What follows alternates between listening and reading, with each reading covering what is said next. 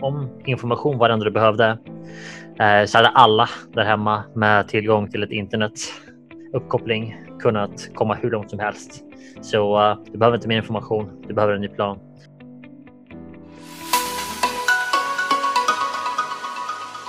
Det här är Traderkanalen, en podd om valutahandel med Peter Svahn dag är vad du inte vet och vad banktrades vet, eller snarare vad banktrades vet som du inte har förstått ännu. Right. Mattias Larsson, det pratas ofta om level 2 och level 1 market data i tradingkretsar. Eh, och att banktraders har nivåer av marknadsdata som retail inte har. Vad är detta för data? Finns det fler nivåer? Hur använder banken den information? Mattias, det är en bra fråga och i grunden så är det så här. Det finns ingen level 1 och 2 data i Forex. Det finns ingen som har tillgång till den. Så om någon säger det i valutahandel så är det mest en ursäkt för att man inte själv är lönsam och man vill ha någon att skylla på. De har bättre information än mig så det är därför. Ni vet, man, måste, man måste ha en förklaring på varför man inte tjänar pengar. Det, det är sanningen. Okay? Sen är det så här. Eh, I aktier så har man tillgång till både level, level 1 och 2 beroende på vad man köper för data oftast. Och det ser man ju direkt i orderboken. Så level 1 och level 2 market data är ju orderboken. Alltså vilka ordrar som ligger i marknaden just nu. Hur många köpordrar finns det på den nivån? Hur många säljordrar finns det där? Etc. Eh, banktraders har ungefär samma data som vi har i Forex. Det finns som ni vet väldigt lite data att gå på i Forex eftersom att det handlas på så många olika marknadsplatser. Och eh, en skillnad däremot är så här. Det här är en skillnad och den är inte jättelätt för mig att förklara. Men det finns en skillnad och det är när du är en trader som sitter här och du handlar hos en market maker som till exempel, jag vet inte vad vi ska ta, Wanda, CMC Markets, IG Markets, ni vet några av de största market makersna som finns. Okay? Så du sitter här, du är en glad trader, du handlar hos en market maker istället för hos en ECN-mäklare, STP-mäklare. Så när du köper så handlar du i grunden emot en market maker som är här. Och efter ett tag så kan det hända att den här market makern har en väldigt stor exponering för varje gång som Mr Retail köper här och om det är väldigt många retail som köper så kommer den här market makern i, i grunden att ha en stor exponering, eller hur? För att de handlar ju emot den här tradern som är här. Så ibland så ser man så här extrema exponeringar för retail. Det kan vara 90 procent som ligger långt till exempel i en marknad eller 96 procent som har öppna säljpositioner. Det är helt crazy för den här market makern. Ni vet om den här traden skulle ha rätt den gången så skulle den här den market maker kunna förlora stort, eller Så den här market makern säljer ibland sina positioner, sin exponering till en investmentbank eller en hedgefond eller en banktrader. Och då kan de sälja, som ni förstår, 6 000 eller 10 000 lott på en och samma gång till den här banken för att avlasta sin exponering. Och det är en sån här liten off-marknad som du och jag inte har tillgång till.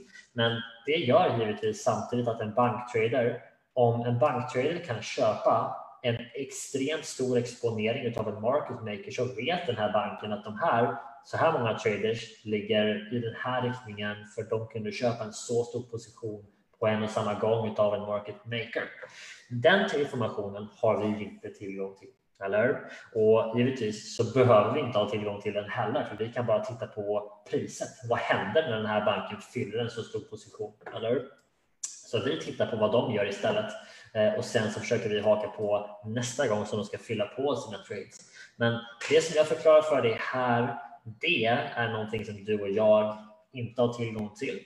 För det är en sån typ av position som inte kan fyllas av en privat trader utan bara en banktrader. Så den typen av positioner kan inte vi se. Eh, däremot så ser vi det givetvis i priset. Eller? Men det här är någonting som sker och de stora market makerserna när de får för stor exponering så säljer de stora innehav. De säljer stor exponering till en bank, hedgefond. Det finns de som gör det på en gång Eh, och i grunden så är väl det den typen av information eh, som vi inte har. Och det gör givetvis att en bank kan få en väldigt bra inblick i hur många traders ligger long, short, när det här scenariot finns. Så det är säkert en del av er som inte visste det och det är väl den typen av information som vi inte har de har. Men igen, det finns en stor nackdel för en banktrader att göra den här dealen som ni förstår här, för när de gör den så tar de en väldigt stor position på en och samma gång. Den har ackumulerats givetvis av den här market makern på en och samma gång. De har en stor exponering här, men det är en transaktion som sker, det kommer att synas i priset. Eftersom att den här market makern bokstavligen ligger positionerad short, om alla de här ligger positionerade long. Så eh, det är någonting som, eh, som, som, vi inte har tillgång till, men som sker där. Och i grunden så byter man egentligen bara exponering. Det blir som en banktrader istället för en market maker. Eh, och vi är här borta, glada, tittar på vad alla andra gör och gör vår grej oavsett vad retail gör här borta. Vi är också retail, kom ihåg det. Men istället för att agera här så försöker vi agera där. Det är helt olika vart vårt fokus är. Så kom ihåg den här biten. Det här kan vara en bra grej faktiskt att förstå.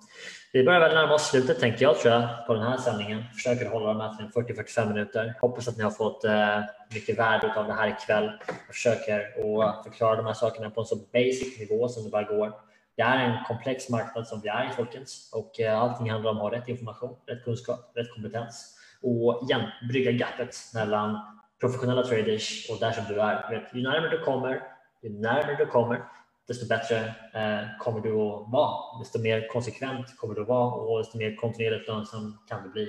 Så allting handlar om att brygga gapet så långt som det bara går. Eh, uh, all right folkens, så jäkligt ursäkta uttrycket, men väldigt många bra frågor som kom in här ikväll. Eh, otroligt bra eh, sändning. Thomas skriver mycket intressant därför man ska köra ECN. Det är exakt därför du ska köra ECN för att om du kör ECN och inte använder en market maker så kommer inte market makers att bygga upp en så stor position så de kan avslöja för en bank hur en massiv mängd retail ligger positionerade. Så det är absolut därför du ska köra ECN eller STP 100% Det här är Traderkanalen, en podd om valutahandel med Peter Svahn.